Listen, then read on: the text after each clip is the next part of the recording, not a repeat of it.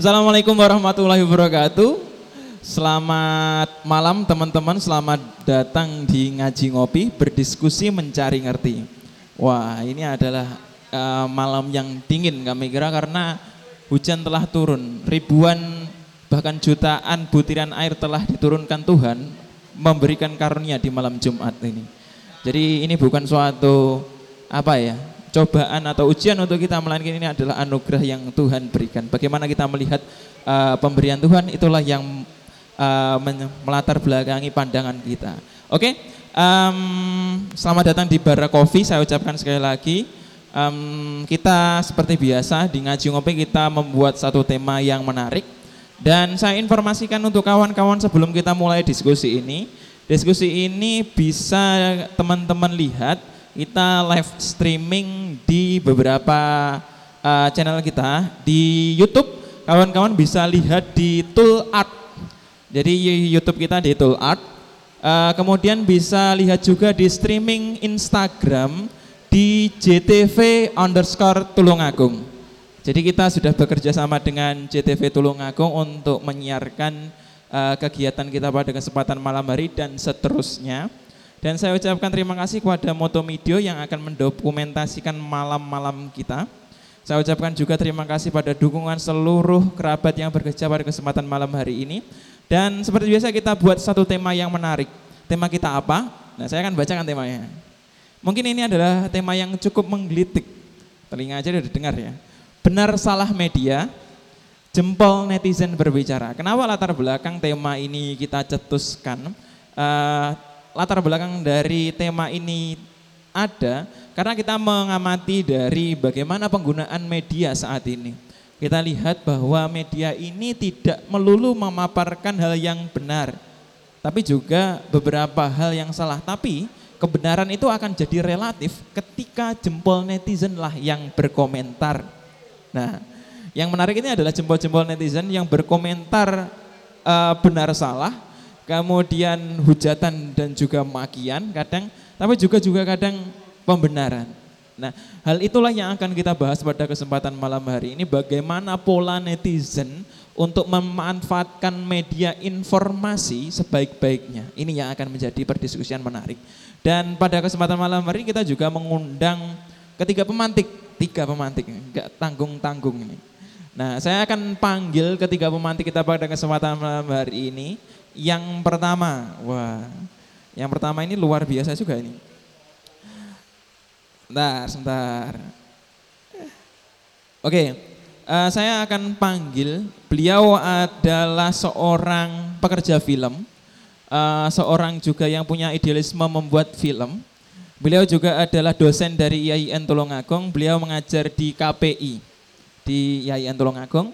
Uh, siapa beliau? Saya minta tepuk tangan yang meriah untuk beliau, Pak Berlian Anung Prabandono. Nah ini dia orangnya. Kita diskusi santai Pak, monggo dinikmati kok rokok dan kopinya. Oke, uh, dan narasumber yang kedua tidak kalah luar biasa. Beliau adalah admin dari akun uh, grup Facebook ber anggotakan 14 ribu follower. Nah beliau adalah orang yang kita kenal sosok yang sangat kritis dan juga apa ya menggebu-gebu untuk memaparkan informasi yang perlu kita dapati. Beliau adalah uh, Bapak Susatyo Nugroho, dikenal dengan Pak Yoyo. Tepuk tangan untuk Pak Yoyo. Beliau ini adalah founder dari Masyarakat Kritis Tulungagung, singkatnya MKT. Oke, uh, dan yang tiga ini juga luar biasa ini. Kita kedatangan tamu dari Asosiasi uh, Jurnalis Indonesia. Nah, Aliansi Jurnalis Indonesia. Independen ya Allah. Oke, tepuk tangan yang meriah untuk Pak David Yohanes. Kok saya lupa ini singkatannya, maaf Pak ya. Monggo, Pinara. Nah, sudah lengkap ketiga pemantik kita pada kesempatan malam hari ini kita akan berdiskusi menghangatkan suasana yang dingin ini dan mari kita mulai. Oh ya, saya uh, saya akan informasikan ke kawan-kawan Silakan perdiskusian ini disimak. Kawan-kawan yang ingin bertanya saya perbolehkan mungkin punya pendapat yang sangat berbeda atau berbeda dari ketiga pemantik kita kami persilahkan atau mungkin mau menceritakan pengalaman yang perlu kita perdiskusikan saya juga persilahkan. Dan saya informasikan sekali lagi kawan-kawan bisa lihat live streaming kita di Tool Art dan juga uh, eh, JTV underscore Tulungagung. Oke, langsung saja. Oke, saya mau ke Pak Berlian dulu. Pak Berlian dulu. Monggo Pak Berlian. Selamat malam Pak Berlian. Cek. Oke, selamat malam Mas. Selamat malam. Ini kesibukannya apa Pak Berlian? Kesibukannya mengajar gitu. Mengajar, kemudian ya uh, di rumah ini sedang bikin skrip Skrip. Skrip untuk film. Ini film idealis atau film kepinginan sendiri. Oh, kepingin sendiri. Nah, ini, ini yang menarik ini orang yang selalu mencoba untuk berkarya itu adalah orang yang selalu kita tunggu-tunggu. Oke, Pak Berlian, ngomongkan soal media, Pak Berlian. Ah, kita tahu bahwa media sosial yang kita dapati saat ini bisa dibilang sehat, bisa bilang tidak, Pak. Ngomongkan soal sehat dan tidak ini sebenarnya tergantung netizennya sendiri. Nah, sebenarnya bagaimana sih Pak sejarah media ini terbentuk? Polanya seperti apa sih Pak? Mungkin bisa dipaparkan kepada kita semua.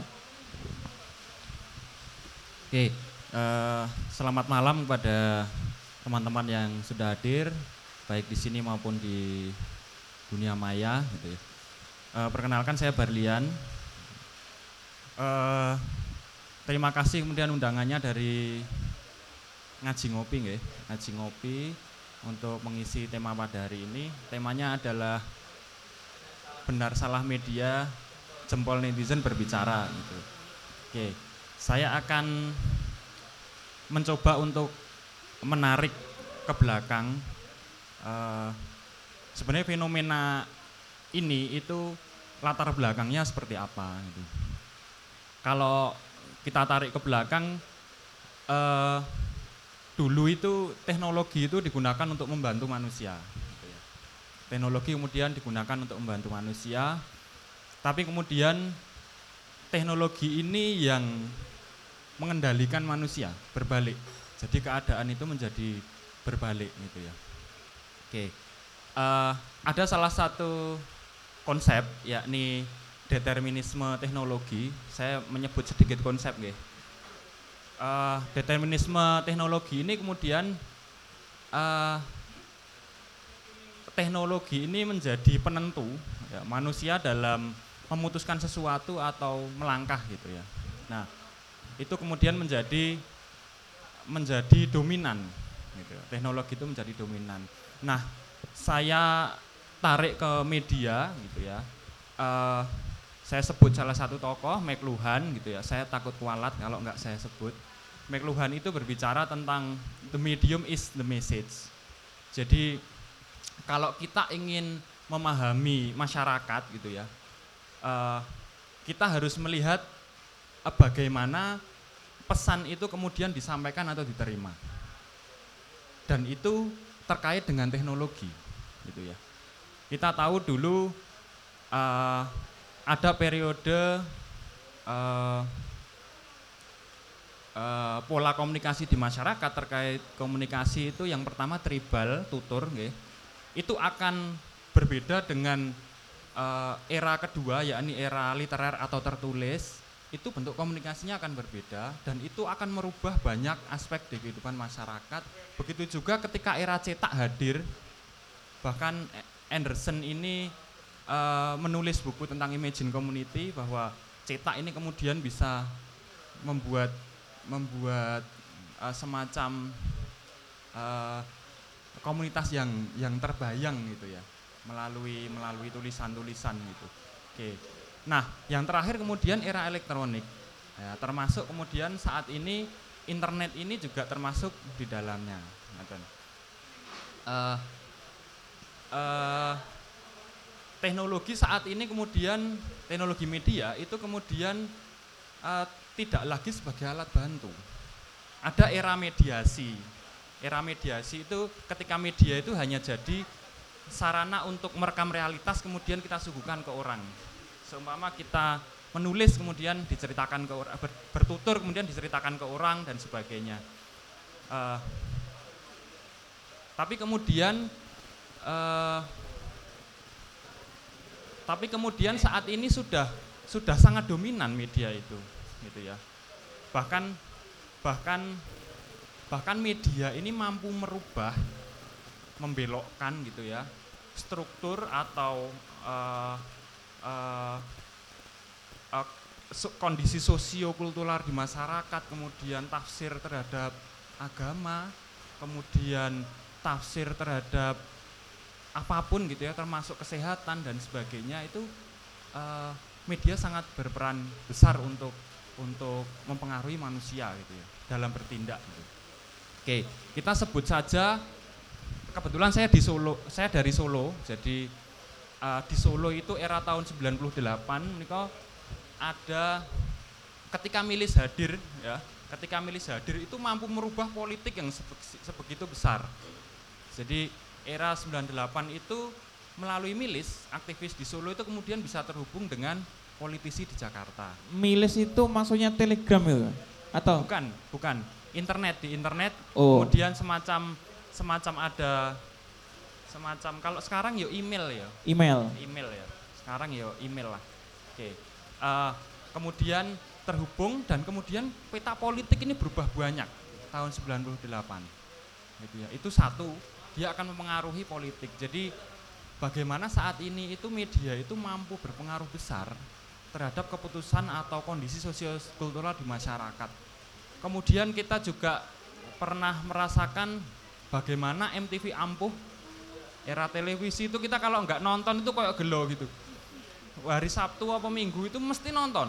Kalau enggak itu kita wah jangan benar-benar kecewa gitu ya. Karena kita akan kita akan ketinggalan informasi dan sebagainya. Itu juga merubah bagaimana proses berkarya musik. Akhirnya band-band itu mengarah ke mayor label dan sebagainya. Kemudian era internet, ya era internet itu kemudian juga juga yang saat ini kita rasakan dan perubahannya sangat besar itu masih ingat video Ahok. Iya.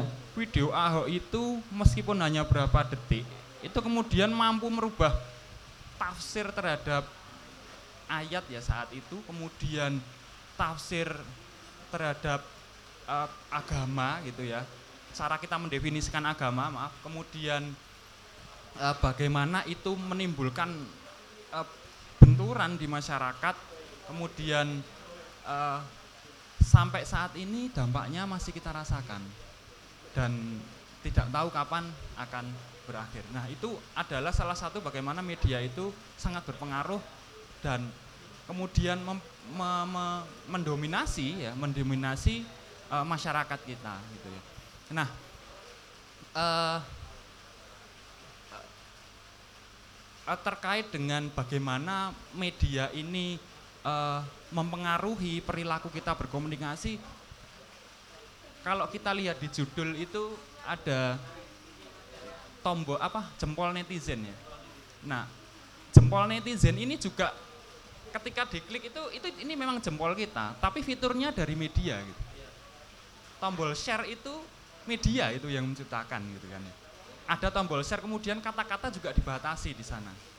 Ada pembatasan di, di Twitter gitu ya. Itu juga dibatasi dan sebagainya. Maka eh, sangat dominan menurut saya uh, uh, pengaruh dari teknologi uh, uh, terutama teknologi media terhadap uh, terhadap masyarakat kita. Mungkin itu dulu.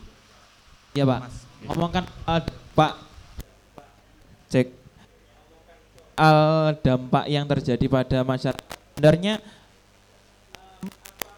sebenarnya apa yang terjadi dengan media? Kok ngomongkan soal media, oke kita kita saat ini ngomongkan soal yang paling masif tentu saja media internet internet, Instagram, Twitter, Facebook dan lain sebagainya. Tentu saja itu adalah media-media yang saat ini rekat kali dengan kita. Tentu saja itu adalah media yang jempolnya, yang jempol kita berpengaruh di seluruh radio saat ini mungkin tidak bisa kita lakukan saat ini.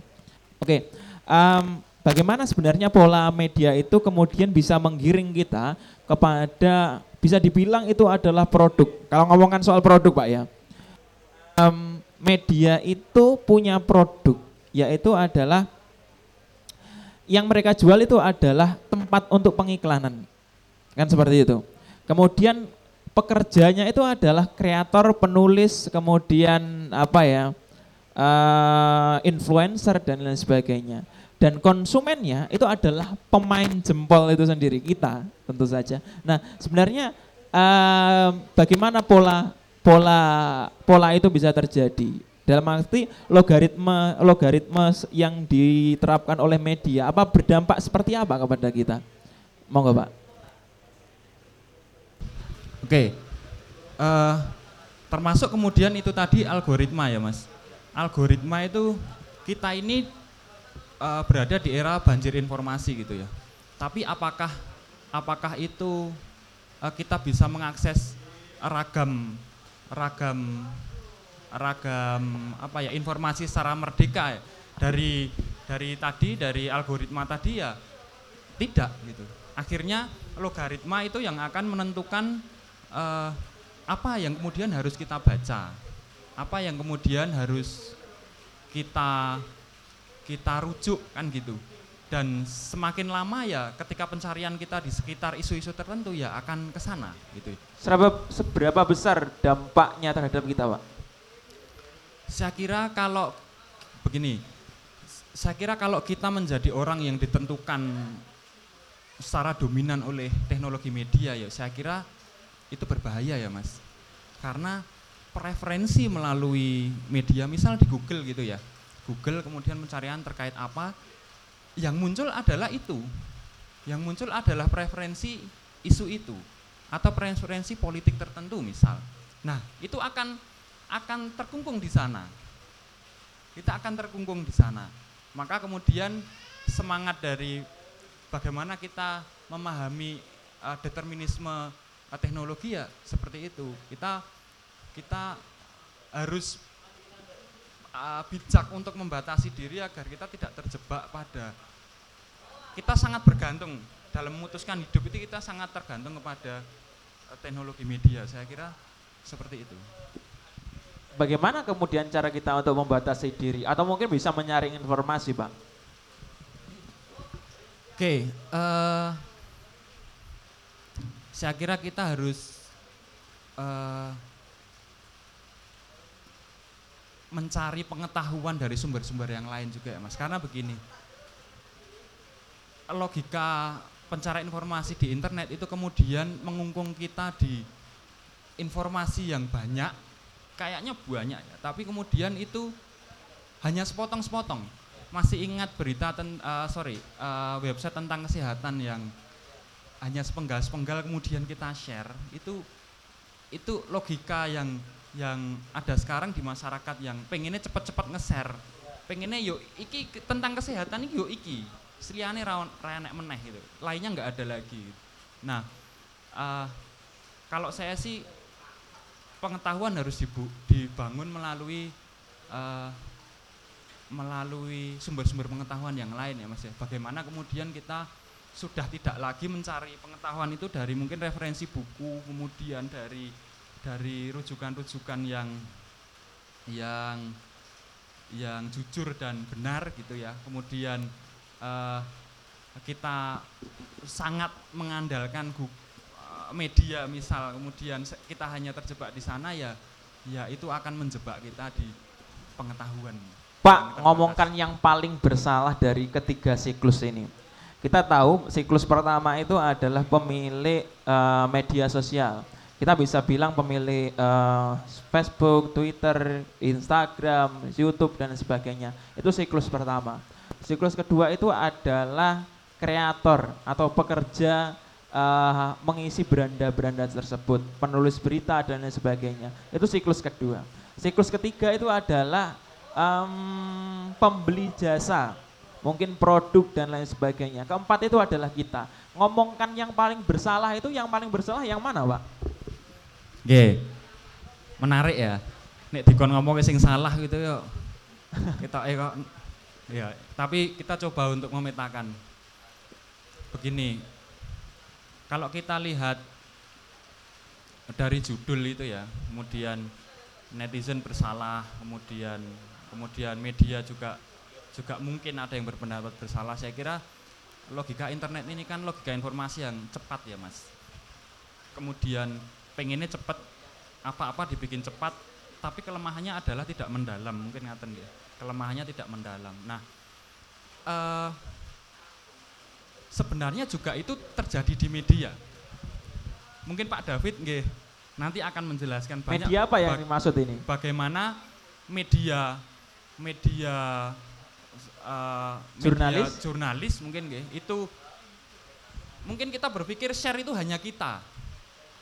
Tapi share, dal share dalam tanda petik itu juga dilakukan oleh media ketika begini. Berita dari dari dari media A kemudian di copy paste kemudian di diupload oleh media share kemudian juga tidak ada perubahan tidak ada pencarian data lagi.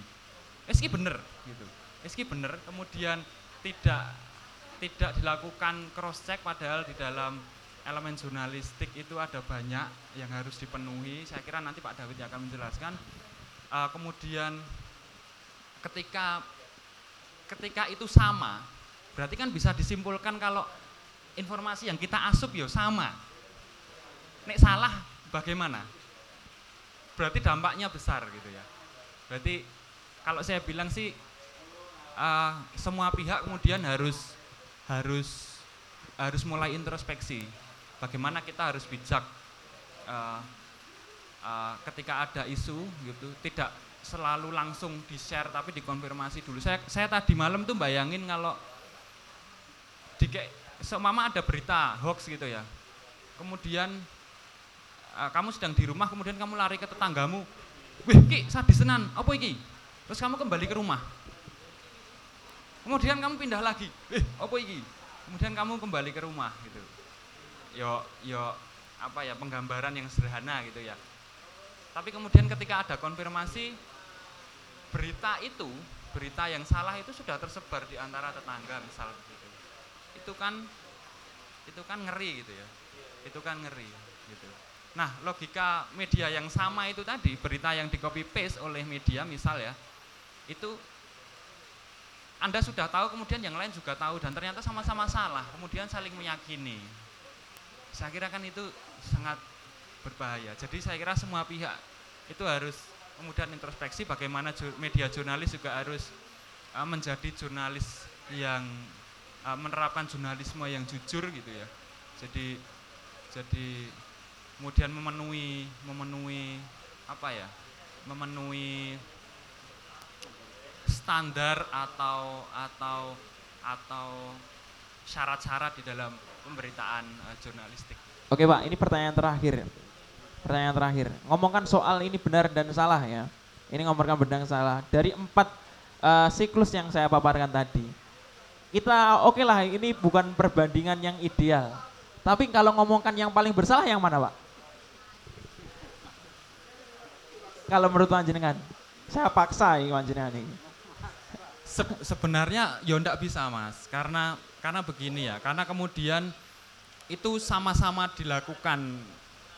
Kita menggunakan logika yang hampir sama. Iya. Dalam memutuskan media berita juga dalam memutuskan pembuatan berita juga menggunakan logika yang bercepat-cepat tanpa kemudian menerapkan uh, menerapkan standar jurnalistik, begitu juga dengan kita.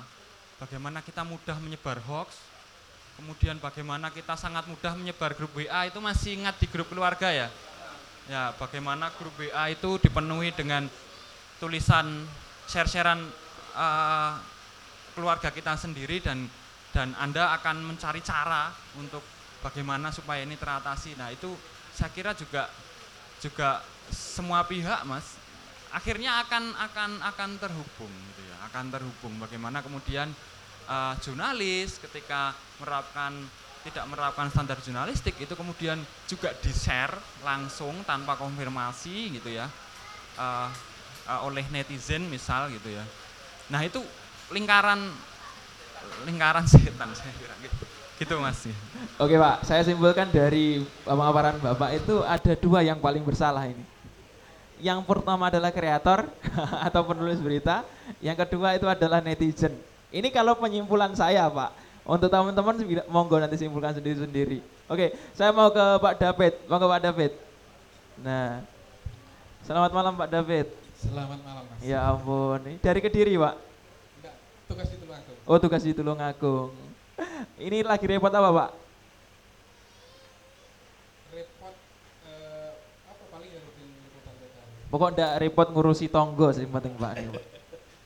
Oke Pak David, ini Pak David ini sahabat ngaji ngopi ini udah nih. Pak, ngomongkan soal media, kita sudah tadi sudah berdiskusi mengenai logaritma, kemudian dampak media yang yang seperti itu hingga menjadi informasi yang salah kaprah dan disebarkan begitu saja. Pak, Pak David, gini, ngomongkan eh, tadi udah dibicarakan soal latar belakang media di masa lalu. Nah, ngomongkan soal masa lalu dan masa sekarang, perbandingan yang bisa terjadi mengenai lajur informasi media dulu dan sekarang itu seperti apa, Pak? Baik. Eh, ini anu aja ya. Pengalaman pribadi saja. Iya, Pak. Karena kalau secara eh, keilmuan Pak dosen yang lebih paham. Jadi kebetulan kalau saya secara pribadi pernah ikut di media cetaknya ya. Pernah diikut di sebuah majalah.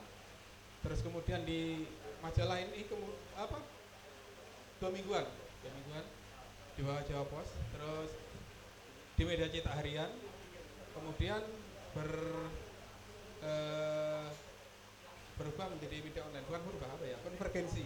Jadi cetaknya masih dipertahankan onlinenya jalan juga. Kalau di media dua minggu eh di majalah yang dua mingguan itu kita cukup punya waktu untuk menguji setiap informasi. Jadi informasi yang kita dapat itu bisa kita olah demikian rupa kita amati tiap hari mana yang perlu ditambahi mana perlu yang di balancing jadi hasilnya itu bisa tuntas gitu. Bisa menarik. Sederhananya bisa sederhana eh, apa bisa sempurna gitu. Tapi kalau ketika masuk ke harian pertama kali masuk ke harian saya sempat sempat apa ya sempat kaget juga karena waktu untuk menguji informasi itu ya di hari itu juga gitu. dari itu juga balancing harus lengkap di hari itu juga dan itu harus dilakukan dengan cepat. Nah lebih gila lagi ketika masuk ke online online ini sangat mengedepankan kecepatan. Akibatnya akurasinya dikorbankan. It- iya itu harus diakui. Akurasi di online itu memang dikorbankan. Nah ini ini yang jadi masalah. Jadi misalnya gini. Ada katakanlah ya ada gempa gitu. gempa. Lima menit kemudian beritanya sudah naik. Beritanya sudah naik. Nah misalnya ada korban. Korban itu ditulis namanya saja nama depannya saja nama lengkapnya tidak ada. Berita berikutnya baru dilengkapi. Lah kayak gitu. Kayak gitu. Nah kadang-kadang eh, untuk berita-berita yang konflik juga kadang satu pihak dikonfirmasi pihak yang berseberangan itu tidak dicantumkan juga gitu. Memang itu kondisinya harus diakui seperti itu. Ada permasalahan di situ. Makanya ini harus ada penguatan di tingkat redaksi Ngomongkan soal kelebihan dan kekurangan, Pak. Dulu dan sekarang. Maksudnya dari segi itu tadi loh, eh, headline news dan kecepatan dan eh, kelengkapan tadi. Kalau dari kelengkapan jelas jelas yang cetak lebih lebih lebih anu ya, lebih unggul karena ada waktu untuk melengkapi, ada mempertimbangkan. Tapi kalau dari sisi kecepatan dan jangkauan penyebaran berita tentu sangat efektif yang online. Sangat efektif yang online karena hari hari eh bukan hari apa? Detik ini kita klik, kita share sudah naik gitu ya. Itu bisa langsung dibaca di mana saja dan bisa disebarkan ke banyak orang. Kalau itu kan akhirnya akan menjadi kebutuhan dari teman-teman jurnalis atau mungkin yang berkecimpung dalam media online dan juga cetak. Kalau dari pihak netizen sendiri, idealnya kita menangkap suatu informasi itu harus gimana, Pak? Kalau dibandingkan dari yang dulu dan sama sekarang, mungkin kalau ngomongkan soal dulu udah berlalu lah ya. Aha. Kalau yang sekarang, Jadi sebenarnya eh, ketika belum ada online, eh maaf, belum ada media sosial, media online itu sudah berusaha membuka ruang komunikasi dengan netizen, dengan pembacanya. Kalau ingat awal-awal itu ada kolom komentar. Sampai sekarang pun dipertahankan sebenarnya. Ini sebenarnya membuka ruang untuk diskusi, di- eh, berkomunikasi. Nah, netizen yang dulu saya pikir eh, apa ya lebih maksudnya yang sekarang lebih kritis gitu, lebih kritis, lebih bisa memberi kritikan bahkan ketika ada sesuatu berita yang salah itu langsung langsung bisa bukan diklarifikasi lagi langsung di, di istilahnya ditohok langsung. Bisa di DM bisa di telepon ke kantor segala macam. Gitu. Nah it- itu yang yang dulu tidak kita temui. Mungkin jalur komunikasi ini yang sekarang sudah terbuka antara redaksi dengan netizen dengan pembaca. Oke Pak, ngomongkan itu semua sebenarnya eh, untuk saat ini idealnya kayak gimana Pak? Eh, susah juga ya. Kalau kalau sebenarnya kalau dari sisi kalau kita ngomong kondisi ideal ya sebenarnya dari sisi produsen berita ya tetap harus mengacu pada prinsip-prinsip jurnalistik yang benar. Jadi setiap informasi itu harus diverifikasi yang pertama. Diverifikasi balance ya, cover both set. Terus eh, ya yang utama paling mungkin itu jangan sampai ada timbul fitnah, jangan sampai ada masuk asumsi kita, semuanya berdasarkan data dan fakta. Pak, ngomongkan soal media jurnalis yang saat ini berbagai macam. Kita bisa sebut Instagram itu beberapa akun sosial seperti kalau di Tulungagung itu mungkin ada kayak JTV, ini salah satu juga lembaga jurnalis. Kemudian ada media-media sosial yang bisa kita bilang adalah media yang eh, besar, Eh, puluhan ribu bahkan ratusan ribu eh, follower. Eh, di Facebook juga seperti itu. Nah, ngomongkan soal media saat ini, kita bandingkan antara media yang tidak ada kaitannya dengan jurnalisme dengan media yang notabene adalah memang mencari follower dalam segmentednya masing-masing. Nah, sebenarnya apakah media-media seperti ini mengancam kelangsungan dari dalam tanda kutip loh Pak Ki, Ya. bisnis jurnalis? Jadi gini, eh, kue iklannya itu sebenarnya sama. Kue iklannya sama, tapi harus diakui sekarang memang terjadi rebutan antara perusahaan pers dengan eh, pemilik-pemilik akun media sosial dengan follower besar. Harus diakui bahwa sekarang itu pemasang iklan tidak hanya melirik ke perusahaan media. Perusahaan media. Bahkan ada sebuah studi yang mengatakan keuntungan memasang iklan ke apa namanya eh, tokoh ya apa istilahnya influencer ya. itu bisa langsung take action. Artinya followernya itu bisa langsung beli apa yang dipromosikan nah strategi media apa media yang sadar dengan kondisi itu akhirnya juga meniru perusahaan media sekarang juga punya akun-akun media sosial. Metro TV pun, Metro TV, GTV, apa pun pasti punya minimal YouTube. Beritanya masuk ke situ, sama saja kan di situ juga nanti kita dapat income dari situ. Sama apa? Eh, bahkan yang terbaru misalnya TikTok, banyak media yang punya akun TikTok. Jadi eh, jadi awal-awal munculnya media online dulu ada se- seorang tokoh pers ya, seorang pemilik media besar itu bilang media online itu akan mati, dia akan kalah dengan media sosial. Tapi ternyata omongannya itu keliru. Karena apa? Media online justru istilahnya yang numpangi media sosial. Jadi apa yang terjadi di media sosial itu kemudian diangkat ke media online. Contohnya gini lah, apa yang viral saat ini itu pasti akan menghasilkan berita dengan page view yang tinggi di media online. Nah, awal ketika booming Twitter ya, itu sangat membantu kecepatan dari media online. Sebagai contoh ketika Ustadz Uji meninggal, media dengan cepat bisa memberitakan. Dari mana dia dapat informasi awal? Dari Twitter. Uh, tapi gini Pak, ngomongkan soal internet yang seperti itu, apakah bisa dipertanggungjawabkan informasinya? Kalau kalau kalau saya dulu apa ya belajar di kampus itu, makalah ilmiah itu tidak boleh tercuplik dari uh, internet kan seperti itu kalau dulu. Nah ini ini yang menjadi permasalahan. Seharusnya kerja jurnalis, informasi dari media sosial itu adalah informasi awal. Itu harus ditindaklanjuti tetap dengan menerapkan prinsip jurnalistik menguji informasi, melengkapi data-data. Tapi yang terjadi sekarang, kemudian banyak media yang mencomot tweetnya orang, kemudian dijadikan berita tanpa konfirmasi loh ini. Iya. Nah itu jadi masalah. Ini masalah. Nah, di mana peran netizen? Ya netizen seharusnya ini yang dikontrol. Ini yang dikontrol. Jadi istilahnya kita sebagai saya mendapat diri sebagai netizen ya dalam konteks ini. Kalau kita melihat berita yang tidak benar di share eh, jangan ikut di share gitu loh. Kalau perlu banyak sekarang di di apa di Twitter itu berita dari akun eh, dari kantor berita resmi itu dicaci maki di situ diadili di situ. Seharusnya dilakukan seperti itu.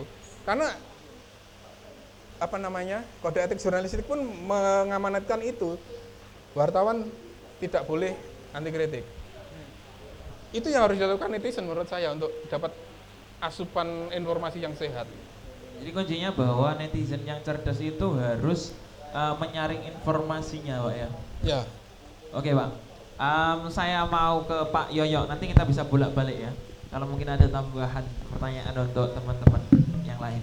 Oke Pak Yo, nah ini Pak Yo ini adalah uh, admin dari MKT Masyarakat Kritis Tulungagung Pak ya. Nah sebenarnya apa tuh masyarakat kritis Tulungagung Pak ya mungkin bisa dijelaskan dulu.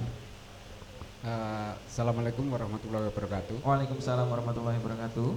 Jadi masyarakat kritis Tulungagung itu hanya sebuah grup Facebook yang terbuka.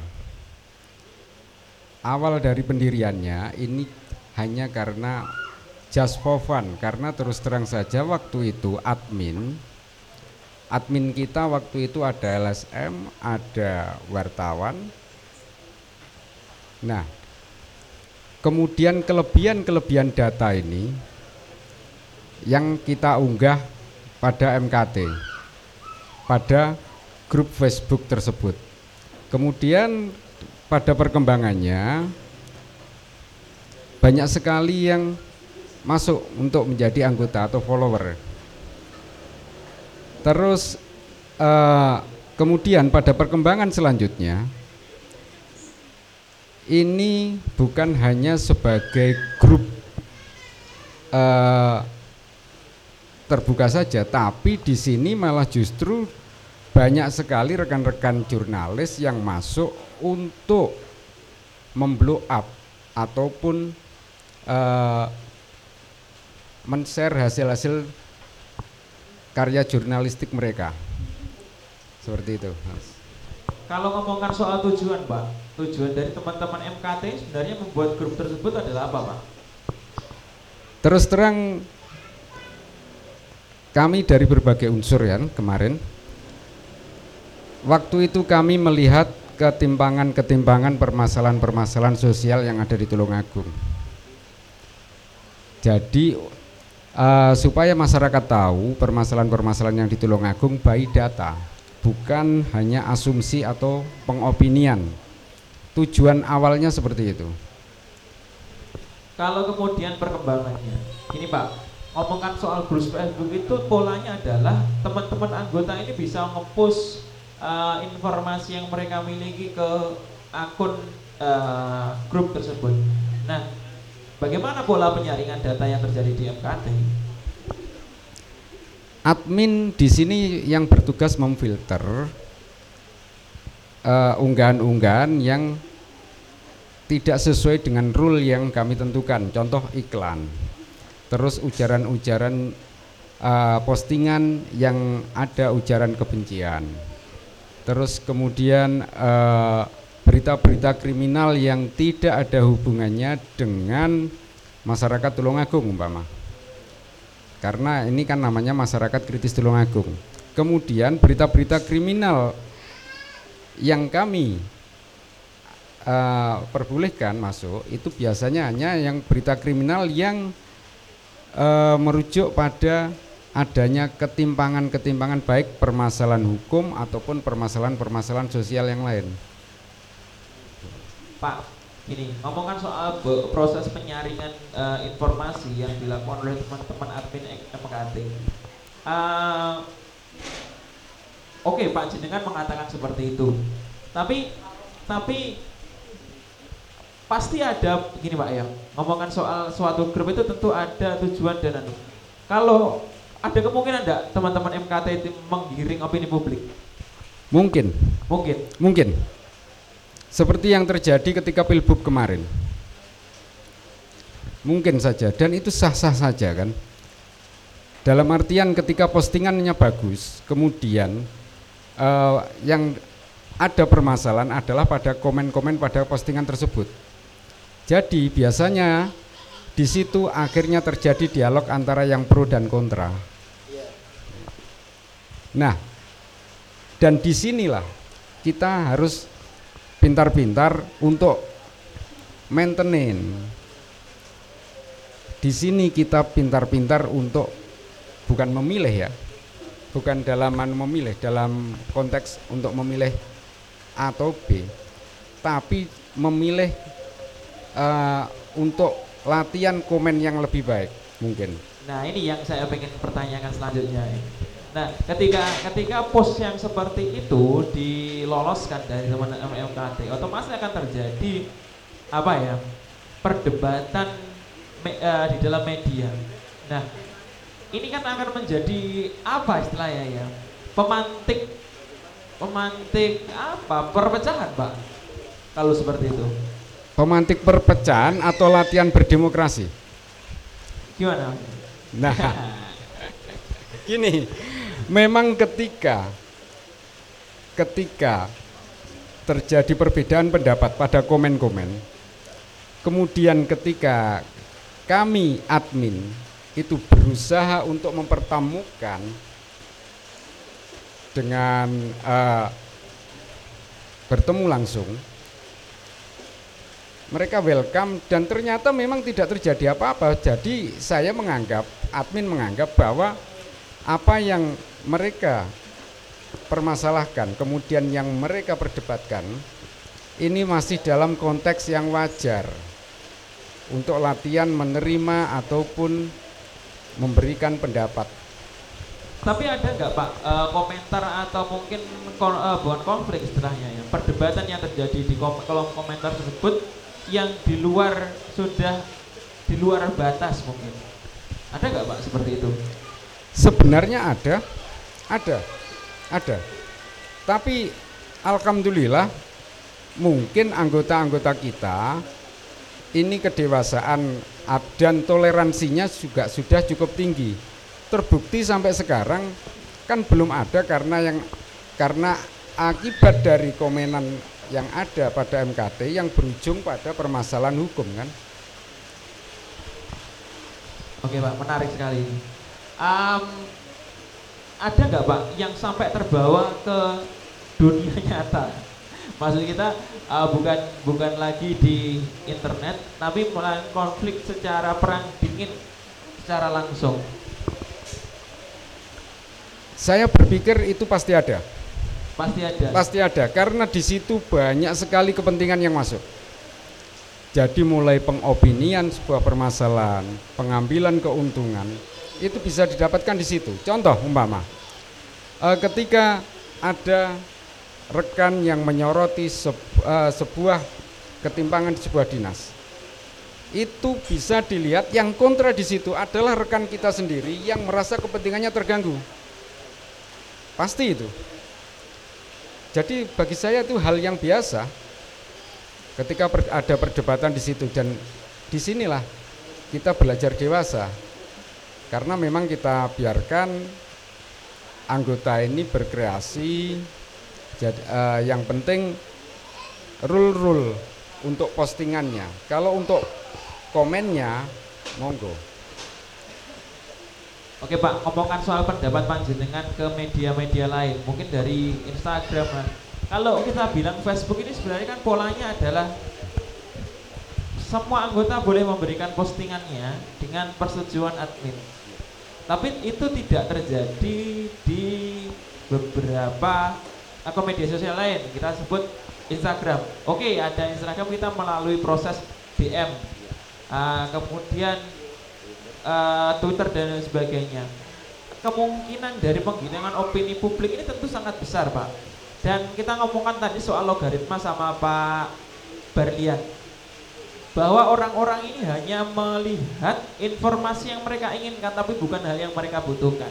Artinya informasi yang bertentangan dengan apa yang sering mereka uh, akses di media sosial itu adalah sesuatu yang minim mereka dapatkan. Nah, kesehatan seperti itu loh Pak. Kesehatan perbandingan nalar seperti itu. Sebenarnya bagaimana sih Pak pola kita agar bisa mengatasi hal tersebut? Untuk itu pasti akan kita kembalikan kepada netizen masing-masing. Makanya di sini kita harus netizen eh, itu harus pinter-pinter menyaring. Pinter-pinter menyaring dari info yang mereka dapatkan dari grup-grup uh, di media sosial. Bahwa tidak semua yang mereka terima itu adalah suatu, sebuah kebenaran proses cross checknya pak proses cross check yang bisa paling ngomongkan soal gini loh pak. Ya anu. Ketika kita ngomongkan soal benar salah kemudian apa informasi yang bergelampangan di media sosial lah tentu mereka punya tujuan untuk menghapus masing-masing. Nah cara kita mengatakan ini benar dan ini salah itu seperti apa? Wong kita tidak pernah tahu secara langsung atau mengcross check uh, informasi ini langsung ke sumbernya dan itu adalah informasi yang hanya berkeliuran di dunia maya saja kalau di MKT kalau di MKT itu biasanya kami uh, untuk memposting suatu masalah kita sertai dengan bukti-bukti ataupun validitas yang tinggi yang bisa dipertanggungjawabkan. Di situ yang biasanya tidak menggunakan data itu bukan merupakan sebuah permasalahan tapi sebuah pertanyaan. Katakanlah netizen bertanya, mengapa KPK tidak datang ke Tulungagung lagi? Sah saja kan. Jadi ini bukan kalau yang bagian-bagian itu itu bukan merupakan pengetahuan kan. Jadi uh, netizen yang lain menginginkan tanggapan apa yang mereka belum ketahui. Tapi yang untuk hal-hal lain seperti katakanlah uh, sharing berita dari rekan-rekan wartawan atau mungkin uh, permasalahan tapi disertai dengan bukti-bukti yang kon konkret kan nggak ada masalah. Jadi memang uh, sekarang saya bertanya, ini kalau katakanlah kita umpama di grup uh, seperti MKT, ini pengopiniannya di mana? Karena admin itu sudah menyaring bahwa ini tidak ada pengopinian. Anda boleh masuk untuk mempertanyakan sesuatu, berpendapat sesuatu, berpendapat tentang sesuatu, kemudian uh, share berita dari sebuah karya jurnalistik, kemudian share data yang mungkin perlu diketahui oleh netizen yang lain, ataupun yang paling banyak adalah permasalahan-permasalahan sosial untuk mengetuk para anggota.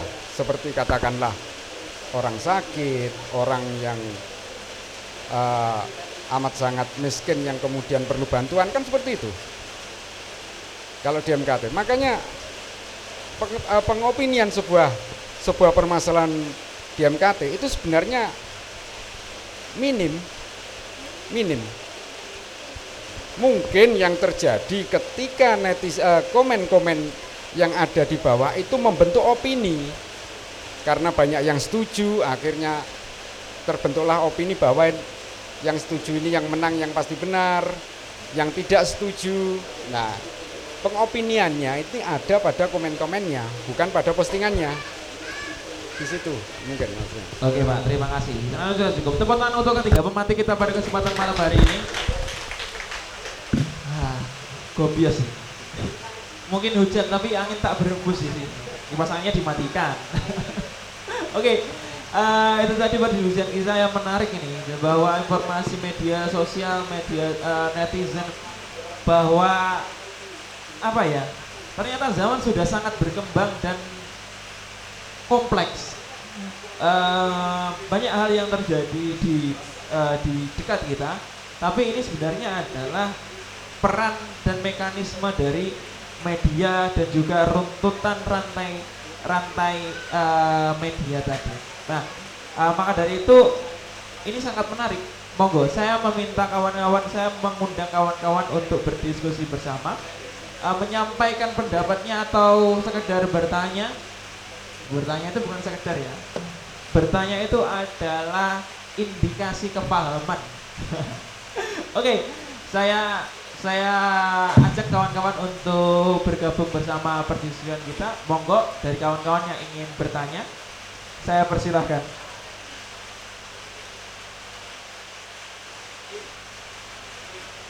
Mari, ada yang bertanya? Cek, cek, cek. Oke, ini diam karena kepahaman atau diam karena kejanggalan ini? Oh iya. Terima kasih Mas Baidowi. Mau bertanya Mas Baidowi? Pak Roni ya namanya ini. Monggo Pak Roni. Ah, saya men- ah, menangkap gelagak ingin ingin anu, menyampaikan pendapat. Saya persilakan Pak Roni untuk maju ke depan.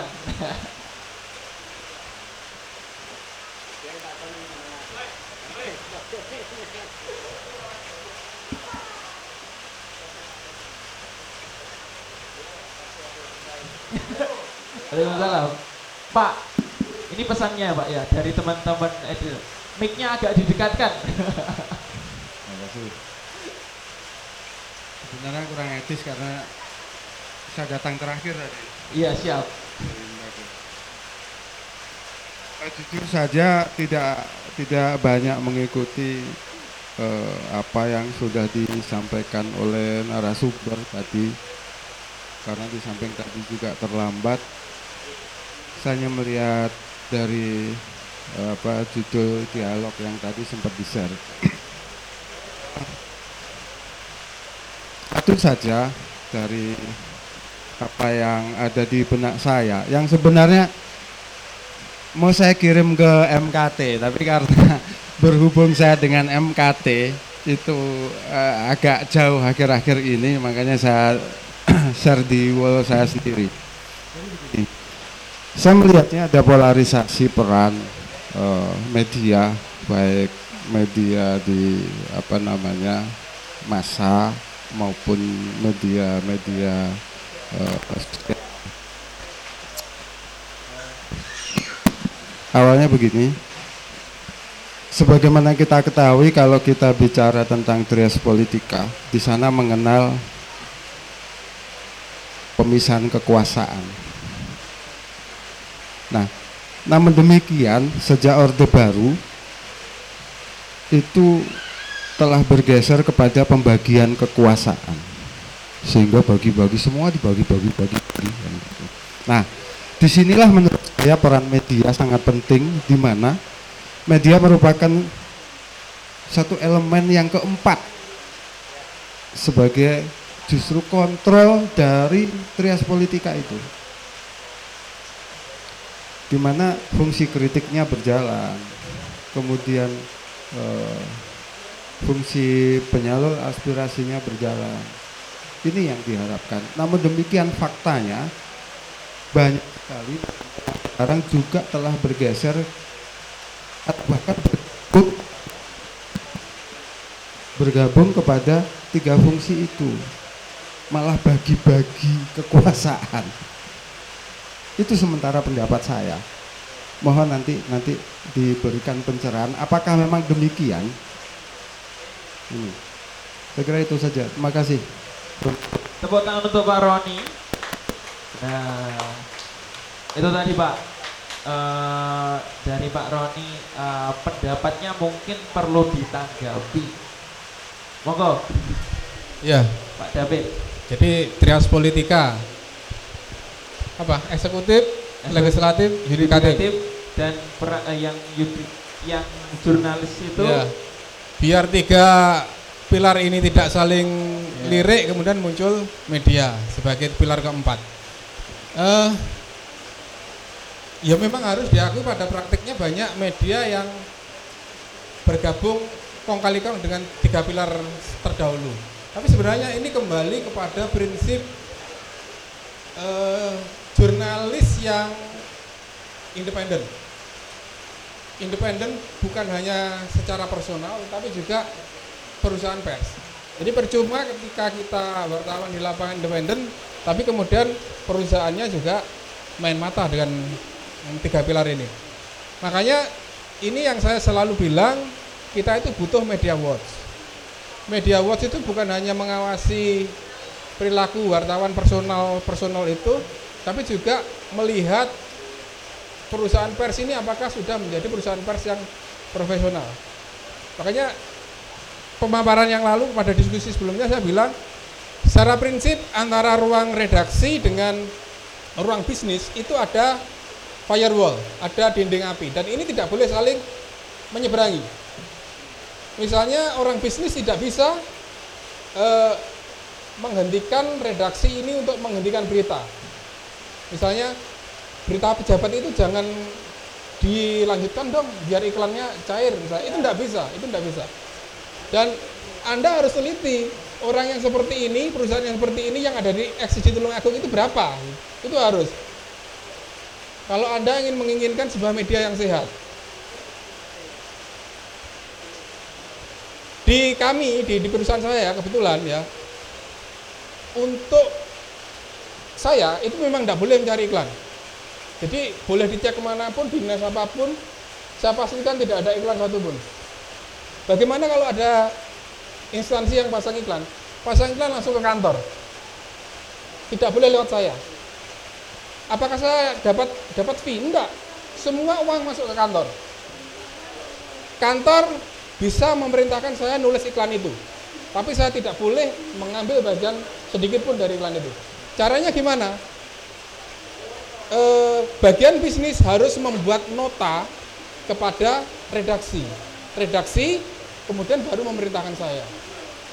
Yang seperti itu yang harus diperhatikan, yang harus diterapkan kalau mau jadi perusahaan yang profesional. Pak, nambahin pertanyaan tadi. Ngomongkan soal empat pilar, kemudian eh, jurnalis yang sehat. Nah, karena panjenengan itu juga jurnalis. Pendapat panjenengan, kira-kira persentase kesehatan jurnalis di Tulungagung itu berapa persen? Saya tidak bisa ngomong. Saya tidak bisa ngomong karena itu akan mengadili teman-teman sendiri. Ayo, kira-kira berapa persen? Makanya saya bilang saya tidak mau ngomong itu karena itu nanti akan mengadili mengadili teman-teman sendiri. Yang bisa ngomong itu teman-teman dewe, teman-teman yang yang kritis-kritis inilah. Makanya saya saya dorong untuk untuk untuk menjadi media watch itu itu lihat faktanya sendiri nanti itu Oke. dan dan harus harus diperlebar sebenarnya bukan hanya media watch LSM-nya juga harus kalian awasi juga itu karena itu 11 12 potensi penyelewengannya Oke, coba deh, monggo Pak Yo. Saya setuju dengan Mas David. Kalau saya eh, ini bukan dalam kapasitas saya sebagai MKT ya, karena MKT bukan media resmi. Ini hanya tapi bisa mengkritisi media dan kebetulan saya juga LSM.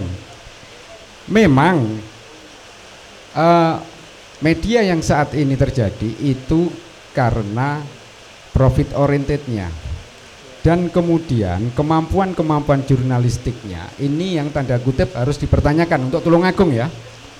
Nah, LSM pun saya juga merasa seperti itu. Bahkan banyak sekali LSM yang sebenarnya kurang begitu mengerti tupoksinya. Jadi sebagai lembaga swadaya masyarakat, mereka sering kali bertindak seperti wartawan dan bahkan wartawan pun sering bertindak sebagai LSM. Di sini Tulungagung ini perlu uh, memang perlu pembenahan yang amat sangat uh, fundamental. Permasalahannya ketika akhirnya lepas kendali, semua yang ada hanyalah untuk kepentingan. Bahkan ini mohon maaf, Anda boleh melihat di uh, rencana umum pengadaan setiap dinas, setiap uh, pengguna anggaran, termasuk kecamatan, berapa itu? Dana yang dianggarkan untuk publikasi dan yang lain-lain. Maka, makanya di situlah uh, yang menimbulkan sinergitas, di sinergitas dalam tanda kutip ya, tentu saja karena memang pengguna anggaran ini menyediakan nyediain kue. Nah sekarang yang harus kami pertegas lagi bagaimana pengawasan Dewan Pers. Kalau LSM terus terang saya bingung siapa yang mengawasi? Nah ini mungkin harus ada juga badan yang mengawasi LSM saya sebagai LSM pun terus terang prihatin karena stigma yang amat sangat buruk di masyarakat. Ya, ini memang tidak bisa dipungkiri bahwa ini karena tingkah laku kita semua. Meskipun tidak semua, tapi kalau untuk menyebutkan persentase, saya setuju dengan Mas David. Berarti saya mengadili rekan-rekan saya enggak. Terima kasih. Oke kalau gitu kita berlanjut ke orang yang paling aman membahas tentang jurnalis. Jenengan ini jurnalis bukan teman-teman Pak Jenengan toh Pak. Jadi kiranya Pak Jenengan yang paling bisa membahas. Monggo.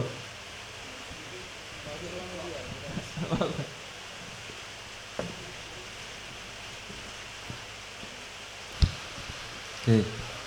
Uh, saya kira kita kembali lagi ke topik tentang bagaimana netizen itu nge-share gitu ya. Share berita tentang tentang tentang politik dan sebagainya. Saya kira satu yang harus dipegang erat bahwa uh, di era yang serba cepat ini itu saya kira semua pihak harus kemudian kembali mengintrospeksi diri. Netizen kemudian juga harus bagaimana sih kita ini uh, uh, mencari pengetahuan itu bagaimana gitu ya. Kalau kalau logika yang dibangun di internet kemudian yang tersajikan hanya sepotong-sepotong kemudian hanya beberapa kata dan sebagainya ya kita harus mulai harus mulai sadar bahwa kemudian kita harus mencari sumber pengetahuan yang utuh kemudian begitu juga dengan dengan uh, media gitu ya. Saya kira juga uh, harus introspeksi karena bagaimanapun share ya kemudian uh, bercepat-cepat memproduksi berita saya kira juga juga berisiko gitu ya. Berisiko untuk untuk uh, penerapan prinsip jurnalistiknya gitu. Saya kira seperti itu dan satu poin penting saya sisipkan bahwa kita harus sadar bahwa media itu berita di media tidak akan hadir serta merta gitu ya. Kalau Enman bilang bahwa berita itu ada frame-nya. Jadi ada frame-nya, dibingkai berita itu. Ada moral judgment di sana. Sing salah itu sopo gitu. Ada pemosisian seperti itu. Yang salah apa, yang menyebabkan masalah apa sih? Kemudian yang ditawarkan berita itu solusinya seperti apa saya kira kita harus sadar itu tidak boleh tidak boleh terlena bahwa kemudian uh, berita itu hadir gitu ya serta merta tanpa kemudian framing dari media saya kira gitu. Oke terima kasih Pak Berdian. Tepuk tangan untuk kita pemantik kita. Saya mengundang kembali kawan-kawan untuk uh, melontarkan pertanyaan atau mungkin memberi pendapat.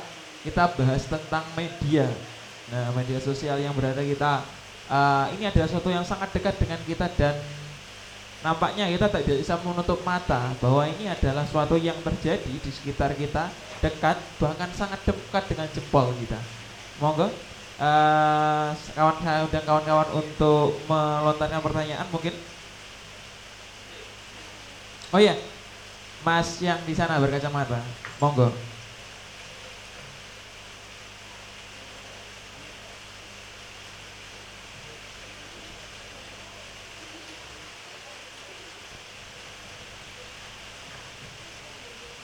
Oke, monggo Mas.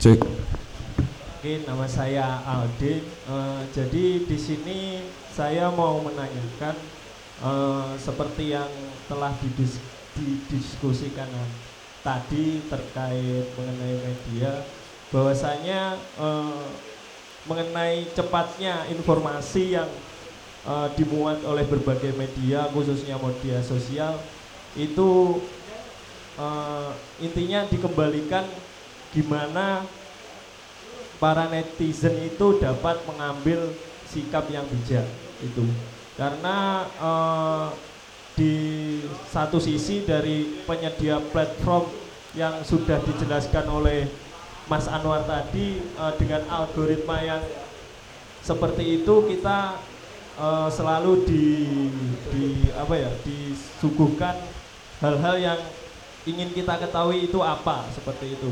Nah, jadi yang saya pertanyakan seperti ini, Eh, bagaimana sih harusnya bentuk eh, pertanggungjawaban dari eh, para apa ya pihak-pihak di media yang mengeluarkan berita yang itu bisa dikatakan melenceng seperti itu ya bisa dikatakan melenceng?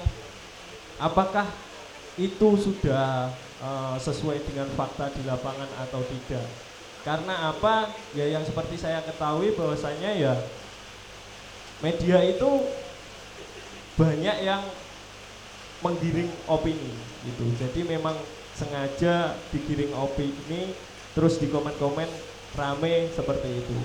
Gimana sih harusnya bentuk pertanggungjawabannya seperti itu? Terima kasih. Nah ini ini menarik sekali pak. Saya ini aja deh, biar nggak terlalu kenceng. Pertanggungjawaban media pak. Idealnya pertanggungjawaban media terhadap informasi yang mereka berikan itu seperti apa pak? Monggo. Nah Pak. Iya. Jadi dalam konteks itu ya saya dari pertanyaan itu bayangan saya ada sebuah berita di-share di media sosial gitu ya. Ya, pertama saya ingin ingin menyadarkan kepada para admin medsos terutama Facebook entah itu MKT, entah itu ICT yang terbesar kayaknya ICT ya sekarang deh. Ya.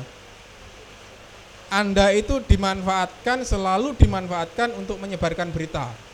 Itu yang harus disadari. Nah, mungkin bisa dikaji itu akah, apakah memberikan dampak negatif atau positif. Saya bisa kasih bukti seorang wartawan itu sampai punya akun palsu dua untuk menyebarkan berita di medsos-medsos ini. Karena sekarang kan apa Facebook itu melakukan pembatasan. Kalau sebuah link berita itu disebarkan terlalu banyak akan dideteksi sebagai spam. Jadi dia butuh lebih banyak akun palsu untuk menyebarkan itu. Nah, kalau dalam konteks ini sebenarnya kan ini yang dirugikan adalah netizen. Misalnya gini, eh, link itu kemudian disebarkan dengan narasi yang negatif. Kemudian timbul masalah hukum wartawannya karena ini adalah produk jurnalis tetap mengacu pada undang-undang pers. Pertanggungjawabannya nanti adalah redaksi. Penyelesaiannya nanti di dewan pers. Kalau memang dewan pers ngomong misalnya ini eh, apa namanya? medianya tidak terverifikasi abal-abal mungkin masuk ke ranah pidana. Tapi kalau terverifikasi ya penyelesaiannya di sana. Entah nanti rekomendasinya apa. Nah, yang berbahaya justru netizen anda tidak punya payung hukum. masuknya nanti ITE. Nah, ini loh yang harus dipertimbangkan netizen. Jadi apa yang di-share di medsos itu jangan kemudian ditangkap begitu saja. Rugi sama nanti. Jadi harus harus bijak menggunakan jempol kita memberikan komen. Jangan sampai kemudian terjerat pasal ITE. Harus ingat pula ITE ini lebih kejam dari KUHP loh. Lebih kejam dari KUHP. Anda misalnya mencaci saya mencaci ini gitu. Paling apa pasalnya? Pak ya, perbuatan tidak menyenangkan atau apa? Mungkin lah itulah, pokoknya pasal-pasal ringan. Tapi kalau Anda mencaci di online ya, online, masuknya ITE loh, ancamannya lebih besar. Ini yang harus kita pertimbangkan. Mungkin itu. Monggo, Pak Barlian. Tanggung jawab media. Oke, kalau saya kira kalau pertanggungjawaban pers tadi sudah dijawab clear sama Pak David ya Mas. Saya kira sudah dijawab bagaimana Pak David tadi uh, memaparkan tentang itu. Monggo Mas moderator. Uh, ada yang menarik dari ungkapan Mas David. Dan itu saya berpikir itu mengandung kebenaran. Yang mana, Pak? Bahwa uh, grup di media sosial itu dimanfaatkan oleh media mainstream, media online. Itu memang ada benarnya. Tapi kita lihat dulu uh, permasalahan yang ada pada berita tersebut. Ketika itu menyangkut hajat hidup orang banyak dan kemudian masyarakat pun akan bisa menilai jadi umpama ya dalam uh, contoh kecil ketika ada sebuah media mainstream menyerang sebuah institusi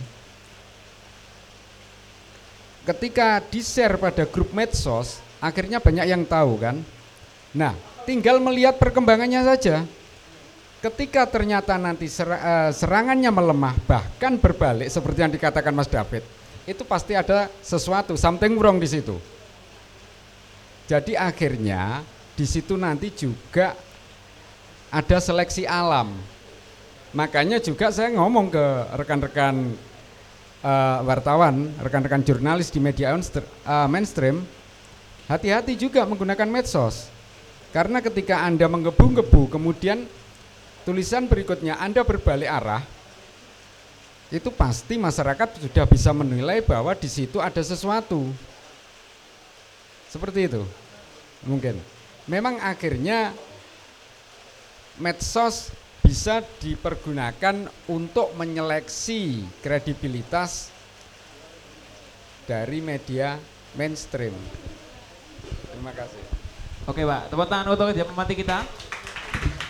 Nah, karena kita juga menyiarkan kegiatan ini di streaming YouTube kita di Tulat, kemudian juga di JTV underscore Tulungagung. Uh, saya mendapatkan satu pertanyaan yang cukup menarik dari uh, dua pertanyaan sebenarnya ini. Ya. Nanti saya akan bacakan lah. Ya, pertanyaan yang pertama ini, ini dari Mas Hub gitu ya, Mas Hub underscore Kediri. Ini dari uh, via YouTube pak.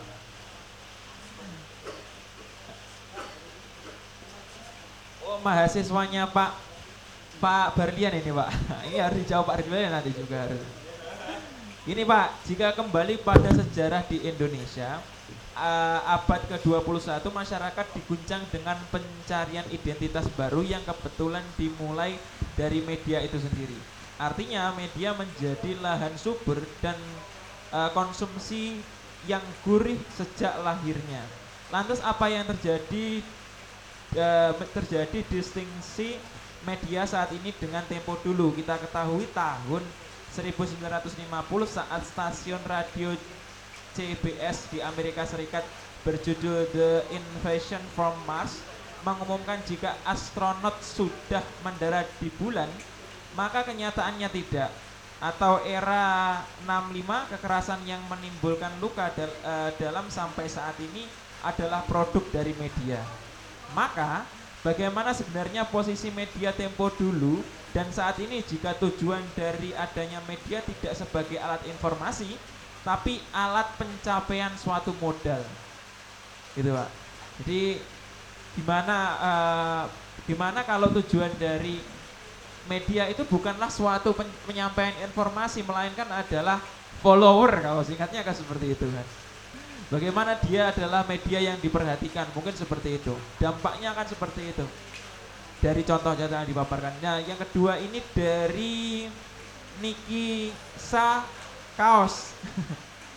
Pertanyaannya sebenarnya sih, sebenarnya siapa penguasa media? Masyarakat atau uh, institusi? Seperti itu pertanyaannya. Monggo dijawab Pak Bardian aja dulu lah. Monggo. Oke, terima kasih. Uh, pertanyaan tentang pencarian jati diri melalui media gitu ya. Kita kita harus tahu bahwa kemudian apa yang disuguhkan media, apa apa yang disuguhkan media itu uh, dibentuk oleh media itu sendiri. Jadi pengetahuan-pengetahuan yang kemudian hadir di media itu adalah hasil produksi dari uh, media gitu ya. Nah, ketika kita tidak sadar bahwa uh, informasi atau berita ataupun uh, yang ter, apa pun yang kemudian tersebar di media itu kemudian uh, kita telan mentah-mentah kemudian tanpa tanpa mencari lagi. Kalau di media itu kan uh, kita banyak banyak menemukan penggalan-penggalan ya mas. Jadi ada banyak tapi kemudian uh, uh, itu itu sering kali di permukaan gitu. Ya. Jadi uh, ketika teman-teman mencari jati diri gitu ya, jati diri melalui media ya jati diri yang sesuai mediakah, sesuai keinginan mediakah atau bagaimana. Nah, teman-teman harus memiliki kesadaran bahwa saat ini media itu memberikan banyak perubahan sosial dan budaya di masyarakat. Gitu ya. Nah, hal itu yang kemudian harus kita sadari, kemudian itu menjadi pembangkit kesadaran kita untuk bermedia. Gitu ya. Jadi uh, jadi kita harus lebih pintar, kita harus lebih bijak kemudian dalam dalam mencari sumber-sumber pengetahuan apakah kemudian uh, uh, pencarian kita melalui media itu sudah tepat. Saya ingat tadi Mas Mas bilang bahwa uh, uh, bahwa ada algoritma di sana. Nek nyari nih kayak gitu yo terus munculnya kayak gitu terus. Nah itu menunjukkan bahwa peran media itu besar sekali. Bahkan itu bisa masuk ke beranda kita ya, masuk ke beranda kita tiba-tiba gitu ya. Bahkan bahkan itu tanpa kita izinkan itu bisa uh, uh, uh, bisa masuk gitu ya, bisa masuk ke ranah pribadi kita. Uh, saya kira itu uh, Tadi namanya aslinya siapa mas? Nam nama yang menanya itu siapa? Namanya tidak disebutkan ini pak. Oh tidak Tapi disebutkan. Nggak tahu ini soalnya ini kan akun akunnya. Oh gitu. iya. Jadi tapi kalau kalau mempengaruhi nilai. ini nggak mempengaruhi nilai, ini bukan kuliah ya. Bukan, bukan. Tapi tunggu pak, saya belum selesai, belum selesai. Saya akan nambahkan sedikit pertanyaan untuk Pak Barlian. Bagaimana ketika peran media ini satu sisi adalah penyampai informasi? Seperti yang dikatakan sebenarnya tidak keluar dari konteks pertanyaan yang tadi. Satu sisi adalah penyampai informasi tapi satu sisi juga adalah um, lahan bisnis pak. Nah maka sebenarnya yang ideal adalah keduanya tercapai tapi tentu untuk berjalannya suatu bisnis perlu pengembalian modal atau keuntungan. Nah saya kira seperti itu bahwa yang dicontohkan tadi adalah kebohongan publik yang dilakukan oleh media contohnya tadi sebenarnya. Nah bahwa ini adalah kemungkinan-kemungkinan yang terjadi. Lantas bagaimana? Saya menanyakan seperti itu polanya. Ya kalau mungkin Pak Pak David bisa menambahkan bagaimana kemudian suguhan suguhan eh, pem- suguhan berita menggunakan judul-judul yang bombastis. Kemudian ya pembicaraan mungkin salah satunya pembicaraan tentang kesehatan misalnya itu eh, atau politik gitu ya. Itu menggunakan judul-judul yang kemudian eh, mengarah ke pembicaraan tertentu. Itu itu itu menjadi salah satu persoalan juga di ranah pencarian pengetahuan gitu. Eh, bahwa bahwa ketika media kemudian eh, memberitakan sesuatu secara tidak utuh ya dampaknya kemudian ketika kita meyakini itu ya ya kita jadi jadi meyakini suatu hal yang tidak utuh gitu ya tidak utuh gitu ya. saya kira itu. Oke Pak, Pak David, monggo. Sing soal apa itu? Eh, pertanyaan tadi mengenai media itu satu sisi adalah satu eh, menyampaikan informasi, tapi satu sisi adalah eh, perusahaan. Saya kira seperti itu singkatnya. Iya, iya. Itu ya kalau soal apa namanya? Independensi tadi sudah saya jelaskan, tapi kalau untuk ini ya, eh, memang ada satu tren seperti Pak dosen bilang media banyak memancing untuk apa namanya? kunjungan dan klik itu dari judul. Dari judul, judul dibuat menarik, kadang judul dibuat ya seunik mungkin dan itu tidak mewakili isi. Itu harus diakui. Nah, sebenarnya yang lagi-lagi yang bisa menghukum media adalah pembacanya. Bacanya. Jadi gambarannya gini. Kekuatan media online itu pada peak view. Ya, peak view. Sama saja dengan iklan konvensional lah.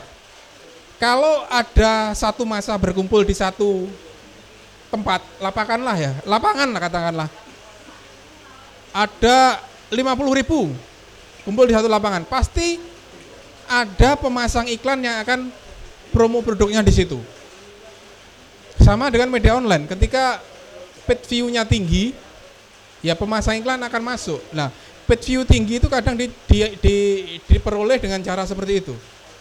Dengan cara menarik pembaca lewat judul-judul yang menarik yang itu tidak mewakili isinya. Makanya yang bisa menghukum sebenarnya adalah pembaca. Jangan lagi klik berita-berita yang seperti itu. Jangan lagi tertarik dengan berita-berita seperti itu. Nah permasalahannya lagi kita ini lemah sama se- secara apa namanya Eh, minat baca kita kurang gitu loh. Jadi menganggap segala sesuatu bisa per- diperoleh dari internet. Ini yang jadi kendala juga. Jadi hukum media-media ini supaya memproduksi berita yang lebih sehat dengan tidak mengklik berita-berita dengan judul yang aneh-aneh yang tidak mewakili isinya. Mungkin itu. Pak, gini Pak, ngomong kantoral jurnalis seperti tadi yang dikatakan dari pertanyaan tadi. Ini ada pertanyaan lain, tapi nanti setelah ini saya pertanyakan.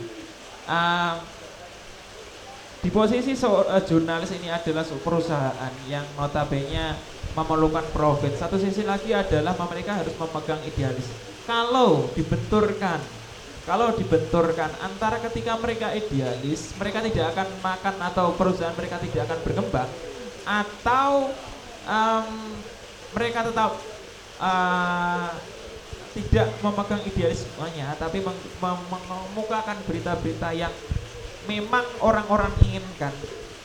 Kira-kira idealnya dipilih yang mana, Pak?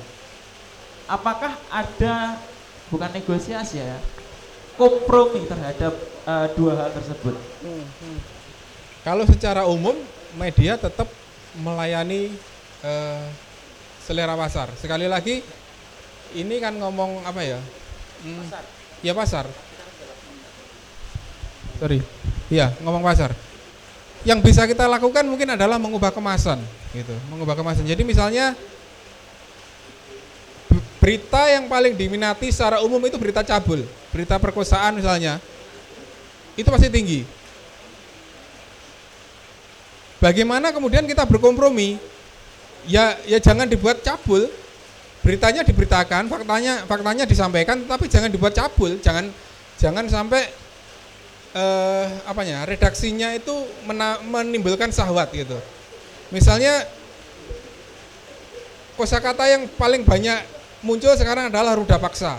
Ruda paksa kata yang asing tapi sebenarnya sudah hilang bayangan bahwa ini cabul gitu. Misalnya seperti itu. Kalau tadi Pak pertanyaan mengenai siapa yang lebih menguasai media, apakah netizennya atau institusi atau masyarakat kalau pertanyaan? Ini ini secara konten ya. Enggak tahu itu Pak, ini pertanyaan dari anu dari Nikisa Kaos. Kalau secara korporasi mungkin bisa dipetakan sendiri-sendiri ya, mana perusahaan. Tapi kalau untuk eh, yang menguasai media secara konten, saya pikir ya tetap redaksi. Idealnya loh ya, idealnya redaksi. Prinsipnya adalah melayani kepentingan publik. Nah, prakteknya seperti apa ya? Silahkan lihat sendiri-sendiri. Oke, cukup nampaknya. Tepuk tangan untuk Pak David. Monggo Pak. Yuk. Namanya Pak Nugroho tapi kok pakainya Pak Yo ya. Monggo Pak. Eh, ada sesuatu, eh, sesuatu yang menarik di sini. Bagaimana menyeimbangkan profit oriented dengan idealisme.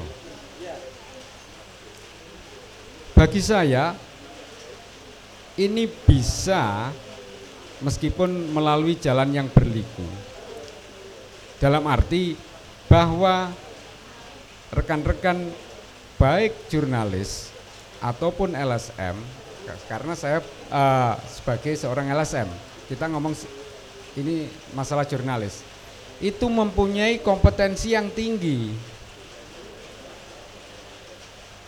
Jadi ini paling cocok ketika eh, saya menyarankan kepada Mas David untuk memperbanyak uji kompetensi bagi mereka di AJI. PBI juga mungkin seperti itu dan organisasi-organisasi kewartawanan yang lain. Karena dengan kompetensi yang tinggi ini akan bisa memproduksi sebuah karya jurnalistik yang bagus yang akan sulit dibelokkan. Karena ini terus terang stigma yang ada pada masyarakat ini berkembang amat sangat dahsyat tentang jeleknya wartawan sama LSM kan? Kalau saya ngomong berarti di situ tidak ada keseimbangan. Jauh atau jomplang sekali. Karena memang terus terang saja banyak rekan-rekan kita yang selalu keliling pakai baju pers tapi sebenarnya saya juga belum pernah melihat karya jurnalistiknya, tulisannya.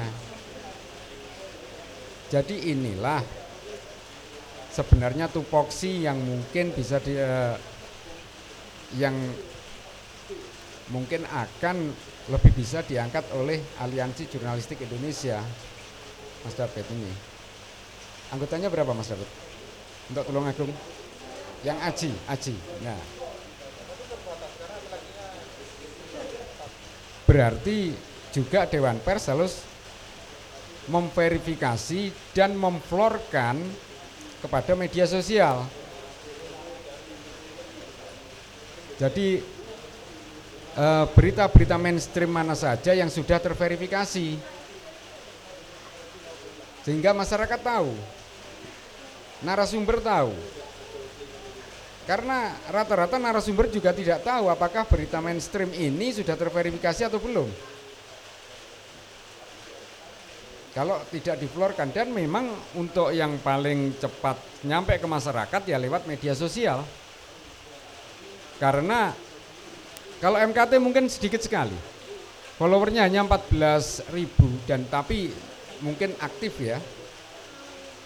Tapi seperti eh, grup Facebook yang lain seperti ICT, WT itu sekan sampai ratusan ribu.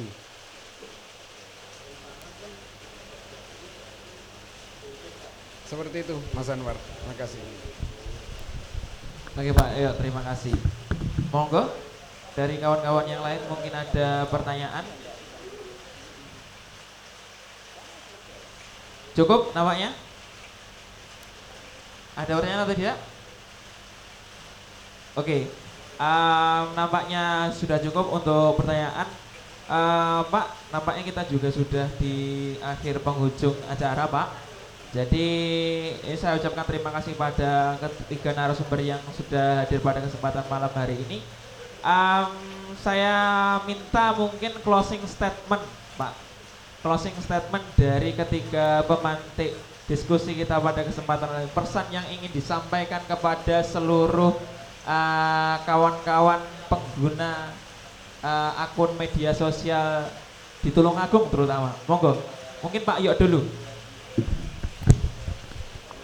Untuk para netizen, saya minta bijaklah bermedsos. Karena di situ adalah wild wild world. Terima kasih. Oke, Pak. Monggo, Pak Berlian.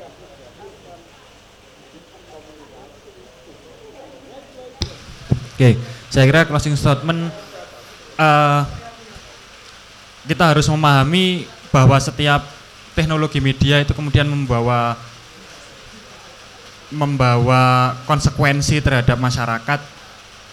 Dengan memahami itu kita bisa tahu kondisi seperti sekarang itu seperti apa sih gitu ya. Kemudian kondisi anak-anak kita nantinya akan seperti apa gitu ya. Itu kita bisa tahu dengan memahami bahwa media itu teknologi media itu kemudian akan membawa perubahan-perubahan besar di dalam masyarakat. Dulu ki piye gitu, waktu tutur ki piye toh, kemudian nek habis tutur kemudian ditulis itu bagaimana kondisi masyarakatnya, kemudian ketika sudah eh, ditemukan cetak itu bagaimana, kemudian setelah elektronik itu bagaimana. Dengan memahami itu saya kira saya kira kita bisa bisa melangkah dengan lebih baik dan menentukan menentukan tindakan-tindakan kita di era yang seperti ini Eh, juga untuk untuk masa depan anak-anak anak-anak penerus kita gitu. Oke, Saya kira itu mas. Pak Berlian. Tepuk tangan untuk Pak Berlian. Monggo, Pak David. Ya. Netizen dan eh, media itu sama-sama menjadi kekuatan untuk mengawal transparansi dan demokrasi eh, di Indonesia. Jadi didiklah netizen untuk menjadi kelompok manusia yang cerdas dan selektif terhadap informasi dan kontrollah media supaya menghasilkan informasi yang sehat. Mungkin itu saja. Tepuk tangan untuk Pak David. Terima kasih Pak David atas uh, closing statement yang telah diberikan. Saya ucapkan terima kasih kepada ketiga pemantik kita pada kesempatan malam hari ini. Dan seperti biasa saya tadi menul- mengotak-ngatik HP saya dan menulis uh, tulisan yang tentu saja tidak selevel lah dengan uh, ketiga orang-orang hebat ini ya yang kita hadirkan pada kesempatan malam hari. Tapi mungkin ini akan sedikit mewakili uh, perdiskusian kita pada kesempatan malam hari ini.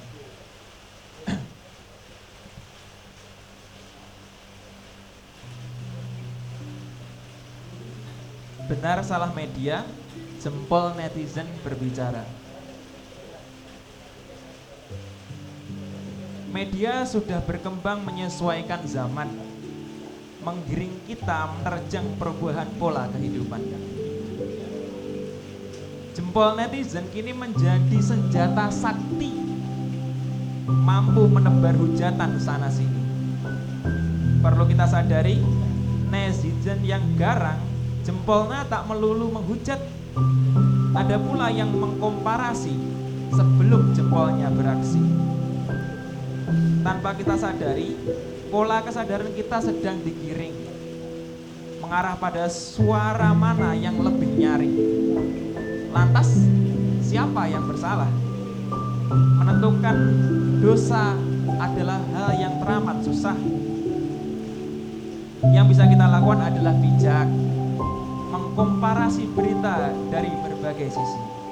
Sebab bermedia sosial adalah beban. Perlu tanggung jawab agar tak menyesatkan. Terima kasih inilah ngaji ngopi berdiskusi mencari ngerti.